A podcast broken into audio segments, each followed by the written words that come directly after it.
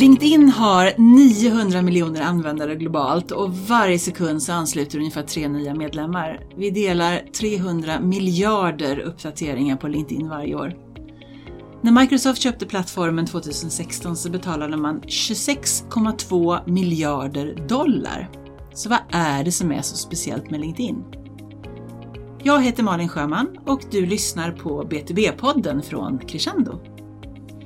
Idag har jag med mig Linda Björk, LinkedIn-expert. Välkommen! Tack så mycket Malin! Du skriver i din egen LinkedIn-profil att du har föreläst om LinkedIn i mer än 10 år. Du coachar ledningsgrupper, tar strategiska uppdrag och håller också utbildningar löpande om hur vi alla kan jobba smartare på LinkedIn. Och så inte minst så är du faktiskt grym på att bygga och utveckla din egen närvaro på plattformen. Mm, jag är ganska aktiv på LinkedIn. Det är fantastiskt. Ja. Så att jag kan tipsa på en gång att alla som inte följer Linda än faktiskt gör det. För det finns mycket tips och inspiration där. Mm. Men du, som är expert på det här, vad är det som gör LinkedIn så speciellt? Det är ganska många saker skulle jag vilja säga men Framförallt så är det ju ett stort digitalt nätverk. Du kan ju nätverka och prata med vem du vill, nästan 4,5 miljoner svenska användare. Du får ju information om många som finns där. Jag kan gå in på vilken profil jag vill och titta på vad jag vill och se dina aktiviteter eller vad du har läst och vilken kunskap du har och så. Så det är väldigt, väldigt mycket information plus att det är mycket content som delas också. Och det betyder också, tänker jag, vi pratar gärna om content och vi pratar om relevans och vikten av att man anpassar kommunikationen utifrån den man pratar med. Mm. Och det har man ju faktiskt chansen att göra här på LinkedIn då när man, man både vet vem man pratar med och vad som den är intresserad av och mm, det stämmer. gör och sådär. Mm. Hur kom det sig att du fastnade för LinkedIn? Jag får väl börja med att erkänna då att en av mina första utbildningar jag hade var affärsnytta. Som du, som du höll? Eller som du gick på? Som jag höll. Ja. Mm, var affärsnytta med Facebook. Och det var ju väldigt många som pratade om Facebook för, eller det är det fortfarande. Men då började jag där och eh, blev mer och mer nyfiken på LinkedIn. Och såg en väldigt, väldigt stor potential. Och när jag läste på Berg så var det väldigt många som tänkte att LinkedIn är väl bara en CV-databas. Jag söker inte jobb, där ska jag inte vara. Och ju mer jag hörde det desto mer nyfiken blev jag och det var väldigt få personer som pratade om LinkedIn då. Så du nu. såg, en, du såg en, ett hål att fylla? Eller det gjorde jag, ja. ja, ja exakt.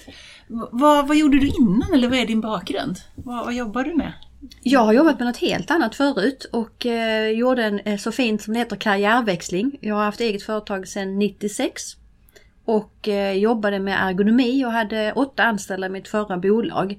Och det händer väldigt, väldigt lite i ergonomibranschen. Och det man pratar om när jag jobbade med det i 90-talet, det pratar man fortfarande om. Eh, skärmen i rätt tid. Jag trodde alla hade lärt sig det nu med alla Zoom-möten som pågår men det är fortfarande sådana saker som man behöver lära ut. Och i digital marknadsföring så går det ju supersnabbt och det är mycket, mycket roligare supersnabbt och jätteroligt och jätteutmaning tror jag många upplever också. Att, ja. att det händer så otroligt mycket. Mm. Vad gör du idag? Hur jobbar du i ditt företag med LinkedIn? Jag jobbar främst med två saker. Det är utbildningar internt på företag eller någon av mina öppna utbildningar och föreläsningar såklart. Eller så har jag då strategiska uppdrag och det kan vara en VD eller en ledningsgrupp eller chefer som behöver steppa upp på LinkedIn och bli lite mer aktiva. Men också att bli aktiva på rätt sätt. Vad skulle du säga är dina viktigaste lärdomar och insikter de här tio åren som du har hängt på LinkedIn och jobbat med LinkedIn? Mm. Utvecklingen har ju gått fort de senaste, ska jag säga, fyra åren och jag tror att Corona har stor bidragande orsak till det. Mm. Jag vet inte om du kommer ihåg Malin hur många strykbrädor du såg med datorn uppställd i hemmiljön när alla helt plötsligt skulle stå hemma och jobba. Och man hade ju inget bra skrivbord och man behövde stå upp. Jag hade själv en trälåda som jag ställde på köksbänken för då blev det och jag som lagom ståhöjd hemma. Och jag som har jobbat med ergonomi, jag har ju då ett riktigt höj och sänkbart eh, skrivbord hemma. Men, men man såg ju redan där att eh, själva innehållet börjar förändras. Det blir ju mer, lite mer personligt, mm. mindre perfekt. Vi fick eh, lära känna personer på ett annat sätt. Och innan då de här fyra, kanske fem åren, då var det mycket, mycket mer corporate. Allting skulle mm. vara perfekt. Det skulle vara tvättat innehåll. Det skulle helst gått igenom kommunikationsavdelningen. Och även om medarbetare var aktiva då, så är det ju inte alls lika många som det är idag. Nej, men, och det ser man ju klart på, på medlemssiffrorna också, Mm. tycker jag, i flödet, sitt eget flöde, hur mycket som händer där. Mm. Så du, du menar att det här med pandemin som ju var otroligt jobbigt på många sätt, blev också en positiv faktor för LinkedIn och för det, Det- digitala? Det tror jag absolut och sen är det ju såklart inte bara det utan det har ju också förändrats utifrån både användarna men också hur vi använder plattformen. Så förutom att, att vi då under pandemin börjar berätta mer om vår hemarbetsplats så blir det lite mer personligt. Men även nu när man tittar på i flödet så, så vet vi till exempel att när du postar en selfies då får du tre gånger högre engagemang. Bara en sån sak och det gör ju att fler postar ju också selfies och då blir det ju mindre perfekta inlägg. Men de kan ju vara lika väl läsvärda ändå. Det är någonting som jag själv har lärt mig de sista månaderna, att Mm. köra på med de här selfiesarna. Det, det kän- kan kännas lite stelt första gången och andra gången och sen är det bara att Mm. tuta och köra. Alla trösklar sänks när man kliver över dem tillräckligt många gånger. Så är det ju, så är det ju. Jag tänker det här, jag tycker det är spännande det som du är inne på det här att det har blivit inte bara fler som använder LinkedIn mer utan just att det har blivit lite mer personligt också. Mm. Att vi har tagit LinkedIn till oss, inte bara som en formell företagskanal utan faktiskt en vi säger ju ofta det här att det heter business to business och det är affärer mellan företag. Men i slutändan så är det ju människor som gör affärer och pratar med människor och att LinkedIn börjar gå åt det hållet också. Mm. Att det blir mänskligt. Mm. Och det finns ju också H2H. Människa till människa ju. precis. Så, så att det är klart, och det har man ju pratat om ett tag. Och det är ju så att vi, vi gör ju affärer med människan. Vi gör ju aldrig en affär med en logotyp.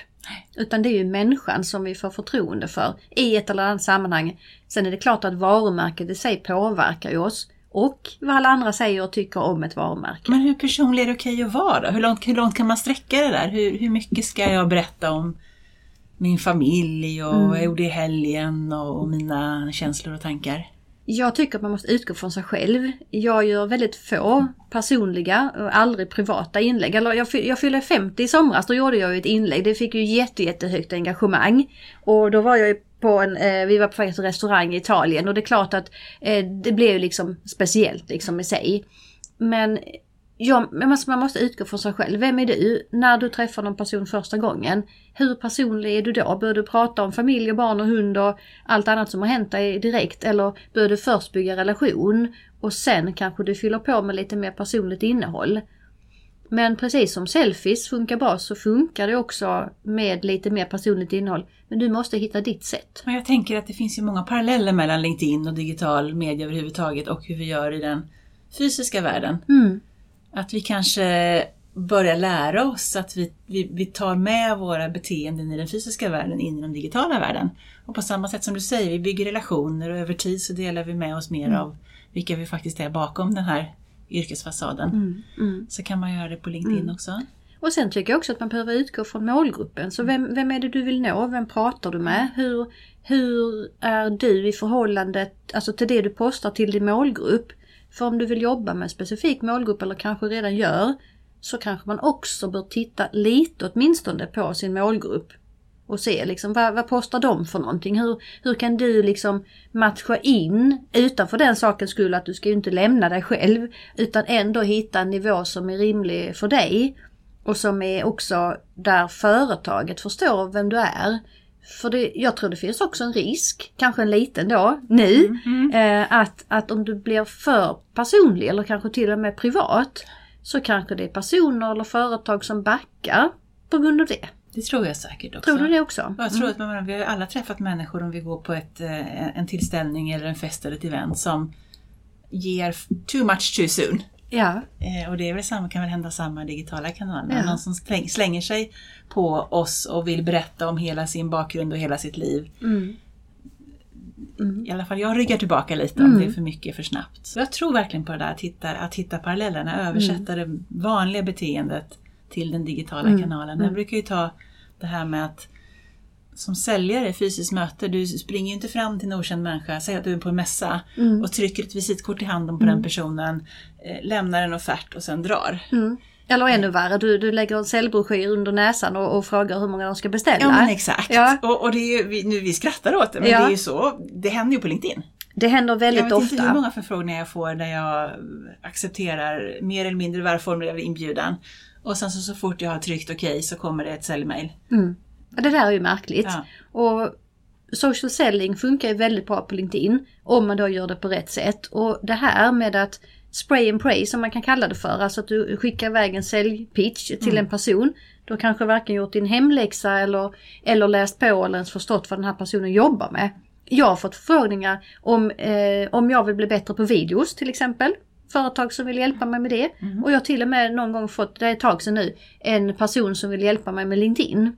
Och det där är ju lite skojigt att man inte ens tar sig tiden att läsa det går ju på. stick i stäv med det, det du sa precis här i början, att på LinkedIn om någonstans, mycket mer än i den fysiska verkligheten, så, så kan du ju läsa på. Du kan ju titta på både, både CV och profil och inlägg och engagemang som Mm, tidigare. Så du behöver ju faktiskt inte... Mm. Och det går ganska snabbt. Mm. Så du skummar igenom en profil jättesnabbt. Och genom att du bara tittar på aktiviteterna, om vi nu tar mitt fall igen då, så ser man ganska snabbt att jag jobbar ju redan med video så det blev lite Mm. komiskt. Precis, och vi får samma sak. Jag får förfrågningar om, om vi behöver hjälp som byrå att förbättra vår digitala marknadsföring och skapa mer content. Mm. Och, det, Och ni har ju rätt mycket content. vi har rätt mycket Ja. content och vi har, vi har förhoppningsvis en ganska tydlig pitch om hur vi kan hjälpa andra med content, Ja, digital ja. marknadsföring. Vad tror du idag? Är LinkedIn viktigast för marknadsförare eller för säljare? Det där är en lite klurig fråga. Eh, jag tänker så här att hela eh, kundresan eller köpresan har förändrats. Marknadsförare, vi som jobbar med marknadsföring har ju mycket, mycket större möjlighet på oss att påverka. Eh, en blivande kund har jag läst på väldigt mycket mer i förväg innan de tar kontakt. Man säger ju att de har ungefär 10 touchpoints. Och då är det ju viktigt att marknadsföraren, och det har ju många ska jag säga också, koll på att ha innehåll för hela den här tratten. Eh, säljaren idag kommer ju in senare i köpresan. Samtidigt så, så är ju inte LinkedIn den enda plattformen och enda sättet vi säljer på. Utan vi har ju fortfarande då traditionell bearbetning med kalla samtal. Eh, Vi kanske åker ut och gör besök fortfarande. Vi kan ju, många klarar sig att jobba bara med LinkedIn. Men en hel del behöver ju fortfarande ha traditionell försäljning. Så jag, jag säger att marknadsförarens roll är ju viktigare idag utifrån att vi skapar oss en bild av företaget långt innan vi ens funderar på att ta kontakt. Jag håller helt med dig, att vi, det vet vi ju att vi alla letar mer på nätet oavsett om vi är privatpersoner eller professionella köpare. Och vi, vi googlar och vi hämtar in tips och idéer och råd. Och, och där är ju LinkedIn bland annat ett perfekt kanal att faktiskt fråga sitt nätverk om tips och råd. Allting ifrån nytt CRM-system till ny marknadsföringsbyrå eller LinkedIn coach och partner eller vad man Mm, letar efter. mm. Eh, Och det gör ju folk. det gör ju folk. Öppet i- i absolut. inlägg. Och, och det blir ju också, då blir ju faktiskt marknadsförarens roll, för det är oftast, än så länge så är det oftast marknadsförarna som jobb, bygger den här content-innehållet och assets och så vidare. Så det blir ett mycket, mycket större ansvar att faktiskt våga föra kunddialogen från marknadssidan och våga ta position. Och likaså på säljsidan, att faktiskt förstå att när jag träffar en kund första gången, oavsett om det är på ett Teamsmöte eller fysiskt, så kan förmodligen den potentiella kunden så mycket, mycket mer om både mig som företag och mitt erbjudande och mina konkurrenter. Mm, Så det har liksom förändrats för alla. mm. Och dig som person, Och mig som säga. person också, ja precis. Och, och i ett sådant sammanhang så där är det också viktigt att säljaren då har byggt sitt varumärke på LinkedIn. För om, om en person efterlyser en, en produkt eller en, ett lösning på ett problem. Då om jag ser det så kommer jag ju att rekommendera personer som jag har i mitt nätverk. Personer som jag har sett är duktiga på LinkedIn och som pratar om vad de jobbar med. Utan att prata om produkten utan snarare att de pratar om vilket problem de löser. Mm. Och de har ju ett försprång.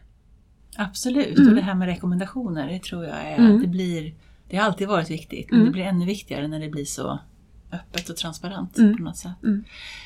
Händer det att du möter människor som inte förstår tjusningen med LinkedIn nu 2023, som, Mm. som ser det som en fluga som kommer försvinna? Ja, kanske inte just flyga men, men jag stöter på en, en del människor.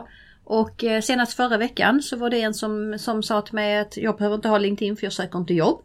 Har du hört det också? Den finns ju kvar fortfarande. Ja, den är ganska vanlig. ja. Så, så visst är det så. Och sen så jobbar jag en hel del med chefer och ledning och, och jag ser ju där att, att det, och det är lite synd för, för chefer och ledning de har så mycket att säga, de har så mycket kunskap och de har så stor möjlighet att påverka internt och externt.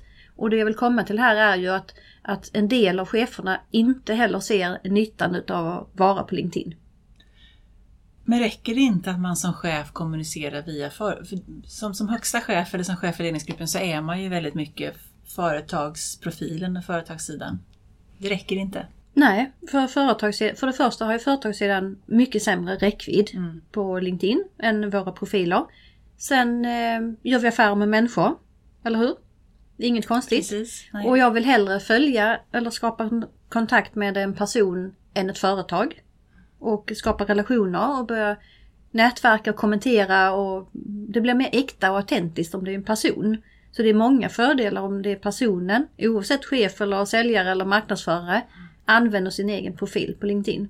Och jag tänker att i många företag som vi, vi jobbar med, både mindre och mellanstora företag, så är fortfarande VDn ja, faktiskt bolagets viktigaste relationsbyggare och viktigaste mm. säljare, mer mm. än en administrativ chef. Och då mm. blir det ju då blir det i mina ögon viktigt att använda även LinkedIn som kanal i mm. relationsarbetet och i försäljningsarbetet, mm. även som VD. Mm. Och inte minst som säljchef. Mm.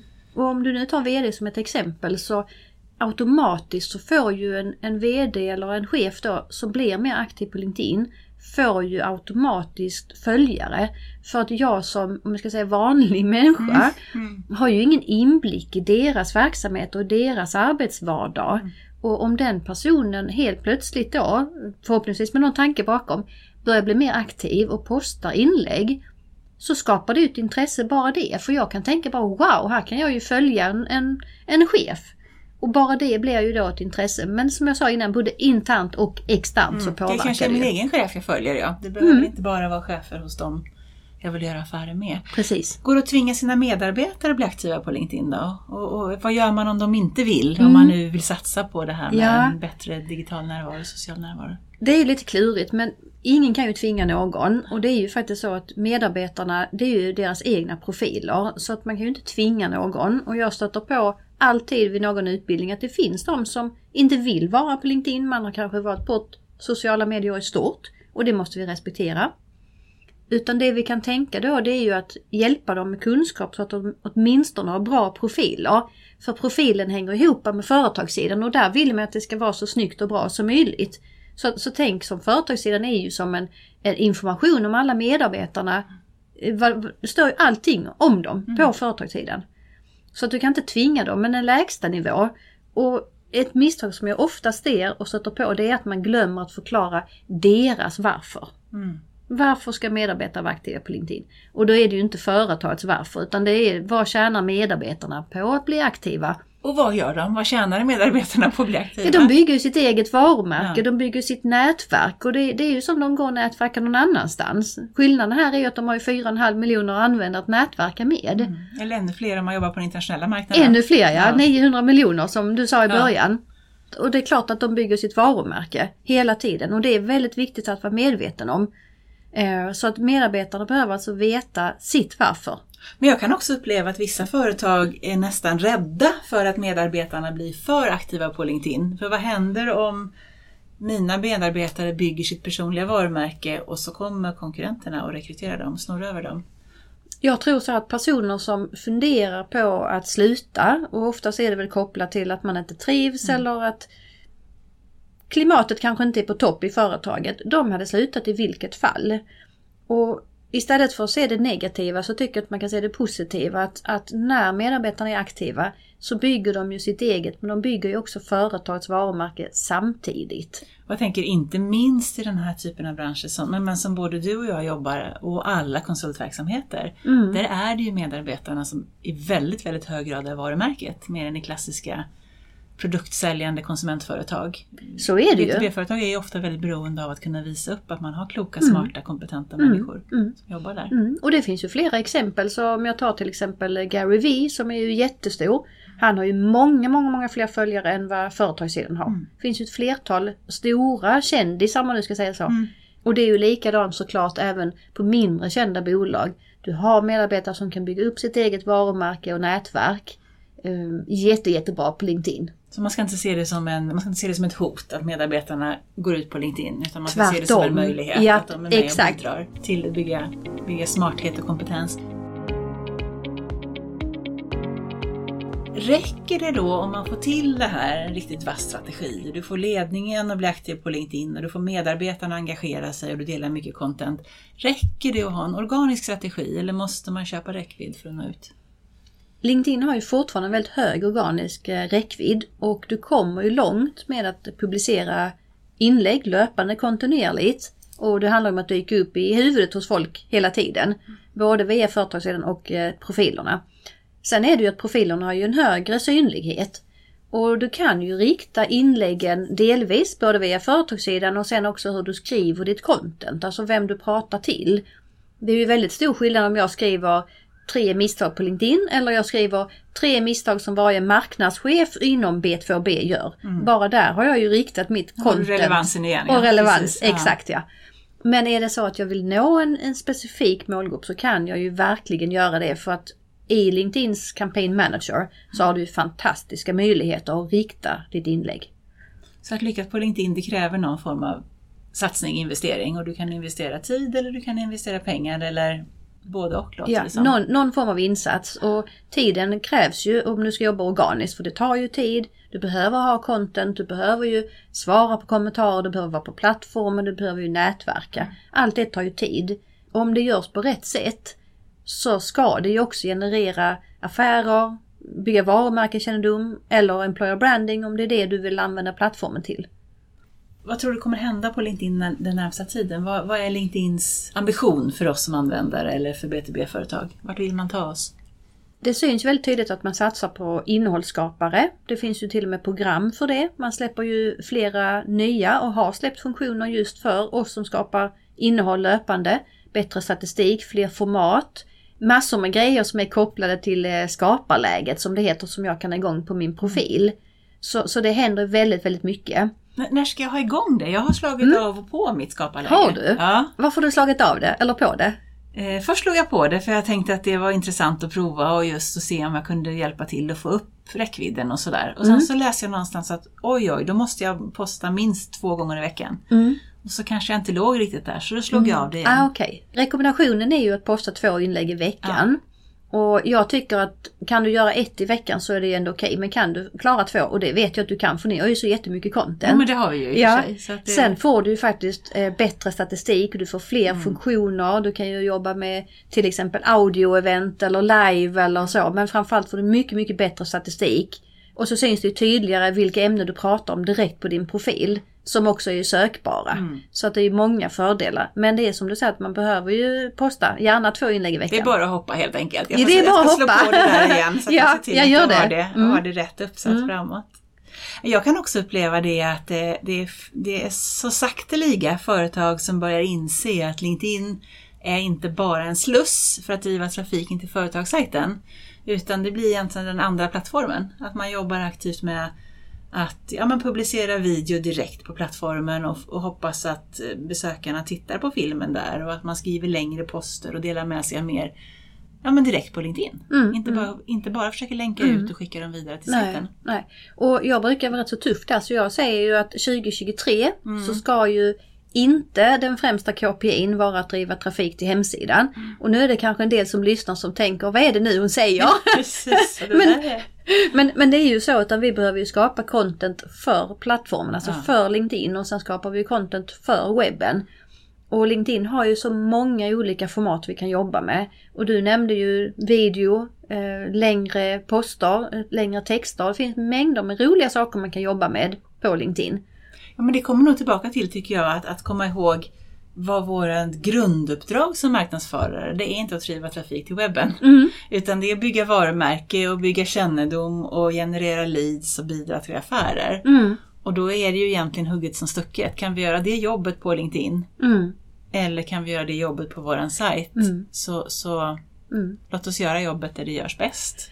Och finns målgruppen på LinkedIn så kanske det mm. är en minst lika bra plattform. Och ytterligare en grej där är, när jag brukar säga då när jag utbildar, det är ju då de som envisas med att driva trafik. Så säger jag, men varför då? Och, och, hur fortsätter du prata med mig? Och där har man ju ofta ett glapp så att man driver trafik för att man alltid har gjort det förut. Men när jag väl landar på hemsidan, då finns det inget sätt som du fångar upp mig på eller ger mig en möjlighet till att du kan fortsätta prata med mig. Till Mm. exempel med leadmagnet Ja, eller det där kan vi prata om hur länge som helst. Ja, jag vet. Just, vi pratar ju gärna om den här att den, den hjälpsamma företagswebben. Att du måste ju tänka att du är där, inte för att visa upp dina fina medarbetare och snygga produkter Mm. och bra smarthet, utan du är faktiskt där för att hjälpa någon vidare. Exakt. Och då måste du fånga upp Ja, dem. och dessutom är det ju så att du sänker räckvidden när du har länkar i Ja. inlägg på LinkedIn. Så det är ju flera saker som påverkar. Så skapa innehåll för LinkedIn och använd kraften i och våga testa fler format än vad du har postat. För jag tror du som lyssnar har säkerligen fler av alla de format som LinkedIn erbjuder eh, som du aldrig har testat ens. Det tror jag Mm. säkert. Och, och att, eh, ja, men att våga tänka om tror jag. Det, det är lite ett tankeskifte här att, att, att ska inte säga släppa sargen, men Mm. att just att tänka att allt, all trafik måste inte gå in Mm. på sajten. Fast all trafik ska egentligen- göra sitt jobb. Fast egentligen är det ju inte speciellt nytt, eller hur? Ja, men jag, jag, jag, jag känner igen de där KPI-erna. Hur mycket trafik kan vi driva? Hur mycket kan vi öka trafiken på sajten? Och det, Mm. det Men, och det är ju för att det är lätt att mäta. Eller eller nu är det ju faktiskt inte så himla lätt att mäta i och med alla nya regler med GDPR och så. Men, men det, finns det är hyfsat lätt att mäta utifrån de nya reglerna. Men ändå så är det svårt för att köpresan är ju förändrad. Alltså 10 touchpoint någonting för att jag ska kunna överhuvudtaget ta kontakt. Och det missar man. Så, så det är ju inte säkert att jag kommer till hemsidan för att jag ser inlägget utan jag kanske sett en medarbetares inlägg. Eller jag har skapat kontakt med en medarbetare. Jag kanske sett en annons på Facebook eller jag kanske sökt på Google. Och sen hamnar jag där. Och vad är det då som är rätt och riktigt? Mm. Det är en Nej, stor det är fråga. De här tio touchpointsen, var de än sker, måste hänga ihop och samverka och stötta upp Mm, varandra. mm. Vad händer sen då? Mm. Kommer LinkedIn fortsätta vara den ledande plattformen för B2B eller kommer vi alla hoppa över till Instagram eller TikTok om några år? Det där är ju en jätteklurig fråga. Eh, LinkedIn har ju utvecklats ganska mycket de senaste åren tycker jag. Ändå så är de lite långsamma på att få ut nya eh, funktioner och nyheter. Och eh, jag tror ändå att det finns plats för olika plattformar, olika sätt vi pratar. Annars hade vi inte haft flera stora plattformar idag. Om alla, alla hade gillat video så skulle alla varit på TikTok eller YouTube. Mm. Hade alla gillat snygga bilder, ja då kanske vi hade mest hängt på Instagram. Nu, jag generaliserar lite ska jag säga Nej, men här jag nu. tror, att du har, jag tror Mm. verkligen att du är på någonting där Ja. att vi, eh, eh, vi kommer behöva content i olika format. Mm, mm. För att, både för att vissa saker passar att säga med en bild och vissa saker behöver en fördjupning i kanske en video eller en längre text. Mm, Men också för att vi som människor tar emot budskap på olika sätt. Och det är inte Mm. bara en generationsfråga. mm. Utan jag tror att det finns människor som kan läsa även de yngre generationerna. Och jag tror att det finns äldre människor som föredrar en bild och en video också. Det tror jag absolut. Och, och där är det viktigt också att ha relevans som vi varit inne på. Och tänka på sin målgrupp. Så jag postar ju olika format och det är ju för att vissa tycker om att se på videos.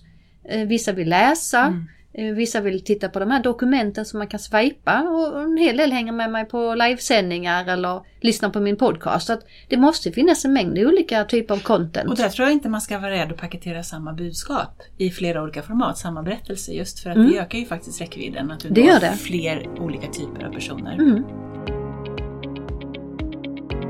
Vad är dina bästa tips? En individ, beslutsfattare, ett BTB-företag som, vill, som inte är speciellt aktiv idag på LinkedIn och vill växla upp. Var, var börjar jag? Mm. Hur ska jag tänka? Då måste vi börja från grunden och det är ju profilen. Och det kanske låter enkelt men jag ser på varje uppdrag, varje utbildning, nästan alla har någonting att jobba på på Mm. profilen. Det saknas information, det är otydligt. Det saknas ett foto. Det händer Foto fortfarande. ibland, ja. det sa jag senast igår. Mm. Eller man har råkat att dölja det. Mm. Och eh, det viktigaste är ju profilbilden och det som heter rubrik. Och har man då bara VD eller försäljningschef eller marknadschef så säger ju ingenting. Nej. Utan jag vill ju veta varför ska jag skapa kontakt med dig? Kan du hjälpa mig med mitt problem? Och det spelar ingen roll om du är anställd eller ej utan du behöver vara så tydlig redan i rubriken. För den är ju synlig och sökbar Mm. överallt. Och det är ju faktiskt inte ens säkert att även om jag kopplar VD till företag så behöver jag inte ha någon aning om vad företaget gör. Nej, och Eh, ibland står det bara VD. Ja. Ingenting mer. Och då är det ju helt omöjligt. Så, så det är ju första steget. Och det andra steget sen, det är ju att våga bli mer aktiv. Mm. Och då måste man ju börja där man är. Levla upp där du är ifrån. Har du aldrig postat, ja, men börja gilla, dela, kommentera och sen postar du. Men det är, ju faktiskt ett ganska mjukt sätt att smyga igång. Mm. Att, att, att titta på vad andra gör och, Det är jättebra. och gilla det som Mm. känns relevant och kommentera. Ja. Och eh, känner du dig sen redo Mm. eller kanske redan är redo och börjat posta så handlar det ju om att posta och igen då våga testa olika format. Men börja med det som du har lätt för. Mm. Är du duktig på att skriva? Skriv. Är du bekväm att stå framför kameran? Ja men gör en kort video. Mm. Eller vad det nu skulle kunna vara. Så aktiviteterna är jätteviktigt men inte bara att du postar utan du också nätverkar och engagerar dig i andras inlägg. Mm. Är ju någonting som jag ofta ser att man missar. Och sen kanske just det här om man postar någonting och får någon som reagerar och kommenterar på det. Så gäller det ju att hänga kvar och svara. Exakt, det är jätteviktigt. Så att annars kommer man ju sluta kommentera. Så att om jag kommenterar på dina inlägg gång på gång och så får jag inget svar och, och jag förstår ju att vi har ju alla massvis med saker på agendan. Men om inte du svarar så kommer jag sluta att kommentera. Ja, och tillbaka till hur vi gör i verkliga livet. Om Ja. du och jag träffas på gatan och jag går fram och så säger jag någonting till dig. Mm. Linda, det var väldigt spännande det du sa på den här livesändningen du hade i förra veckan. Mm. Vad säger du då? Då vänder jag mig om. Nej! då vänder du dig om och går därifrån. Ja, nej det är men, klart. Men, men jag tycker det, man kan ta med sig så mycket av hur, tänk hur skulle jag bete mig i Ja. den fysiska världen Ja. och så beter man sig lite likadant. Precis, och då är vi också inne på det här med säljpitchen och vi stoppar inte eh, broschyren eller då säljer ett första meddelande eller, eller då låter bli att svara på kommentarer. Mm. Kan man, fotot, får man ha foto med, med sin familj och sin hund på LinkedIn? Jag tycker inte det. Eh, Dels är ju rutan eller cirkeln, den är ju väldigt, väldigt liten. Ja. Och det blir ju svårt att få in två, tre personer eller eh, två människor och en hund eller två hundar och en människa på den här bilden. Och jag vill ju faktiskt se dig. Mm. Och, och tittar vi i mobiltelefonen så är den ju pytteliten på ren skånska. Så nej, Man har sig själv och Jag sen så tycker det. behöver man visa upp sin man, sin fru, sin partner så kan den personen skapa en egen profil. definitivt. Kan man koppla ihop sig istället? Ja, det kan man göra i så fall ja. Mm. Vad, så, så börja med att bygga profilen Mm. och när man känner sig trygg i att den Mm. beskriver bra vem man är så börjar man att eh, i bästa fall dela och är man inte riktigt komfortabel så kan man börja med att smyga runt och titta på vad andra gör och kommentera, reflektera. Mm. Och sen när man är redo så är det bara att köra på. Mm. Och som du säger då inte fastna i ett format utan Mm. gillar jag video så gör jag video. Gillar jag skriva så skriver jag. Och jag ska också tillägga att kommentarer på LinkedIn är ju väldigt värdefullt. Och dels så lyfter ju LinkedIn kommentarer mycket i flödet. Men sen hjälper du ju innehållsskaparen genom att du kommenterar. Och du blir ju också synlig i den personens nätverk. Och jag hjälper innehållsskaparen att bli ännu mer relevant förhoppningsvis nästa gång Mm. för mig. Mm. Genom att visa vad jag tycker är Mm. spännande och värdefullt. Mm. Tips till en marknadschef då? Om vi parkerar individen och tar en marknadschef och jag skulle verkligen vilja att eh, företaget och mina kollegor syns bättre på LinkedIn. Mm. Var börjar man där och eh, hur ska man tänka för att lyckas? Mm, då vill jag gå tillbaka lite till det här med själva content. Att skapa content för LinkedIn, inte för webben. Eh, våga prova olika format. Den är ju väldigt viktig. Vara mer aktiv. Kommentera, likea, det är samma sak i andras profiler då. Att föregå med gott exempel helt enkelt som Ja, ja. Och vill man sen få aktiva medarbetare så behöver man hjälpa dem på traven och det är ju kunskap, det är ju stöttning internt, det är ju att man får upp det på agendan, att vi liksom lyfter upp Lin- LinkedIn på möten. Så att vad har du gjort den här veckan på LinkedIn till exempel? Eller vilken effekt har du fått så att vi börjar prata om det precis som man gör i säljmöten, när man pratar om andra saker. Och sen får man ju stötta säljarna för att säljarna kommer ju in senare i, i köpprocessen och därför behöver ju marknadsförarna också se till att det finns ju bra innehåll i hela tratten.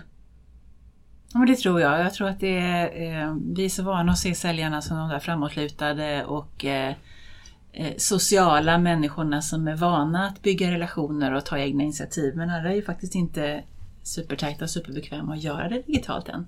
Så är det Så ju. det kan ju många Mm. gånger vara, det kan finnas en prestationsångest där också Mm, tror jag. mm. Så att vad, vad vi kan göra för att hjälpa till. Och då är det ju viktigt att cheferna tar täten och visar att här använder vi LinkedIn för att det är bra för dig, kära medarbetare, och för mig som är chef och för företaget. Så det handlar egentligen hela tiden om det du har sagt tidigare också, att visa på vinsten för mig som individ, Mm. vinsten för företaget. Mm. Och sen inte minst att sänka tröskeln. Se till att det inte är för stort steg, att det inte är den här eh, måndagsskräcken att Mm. synas och verka på LinkedIn. Och Mm. att vi hjälps åt i företaget, Mm. stöttar varandra, Mm. coachar och peppar varandra. Mm. Ja, det är jätteviktigt och eh, många tycker att LinkedIn är ju läskigt. Mm. Och det är väl olika om man är som person och samtidigt så funderar jag på varför det är läskigt att vara på LinkedIn när vi liksom är aktiva i andra sammanhang. I, beroende på vem man är som person. Vissa vill ju stå på scen och vissa tycker det är obehagligt. Men bara för att vi hoppar över till LinkedIn så, så tycker det att det, det, är så, det ska vara så perfekt och det ska vara så mycket corporate och man måste göra det ena eller det andra. Och man måste ju egentligen inte göra speciellt mycket och det måste inte heller vara perfekt utan det viktiga är att man kommer igång. Och att man Men- är genuin och relevant. Ja, relevant kommer tillbaka till det ja, igen. visst, ja, Ja. detta är mina Ja, älsklingsord inom ja men det är helt rätt. Ja. Mm. Men jättespännande Linda, stort tack för att du var med idag. Mm. Många bra tips och spännande insikter. Tack för att jag fick vara med. Tack. Tack. Du har lyssnat på B2B-podden från Crescendo. Du hittar fler avsnitt och mer inspiration för din B2B-marknadsföring på crescendo.se. Prenumerera gärna på podden och glöm inte att följa Crescendo på LinkedIn.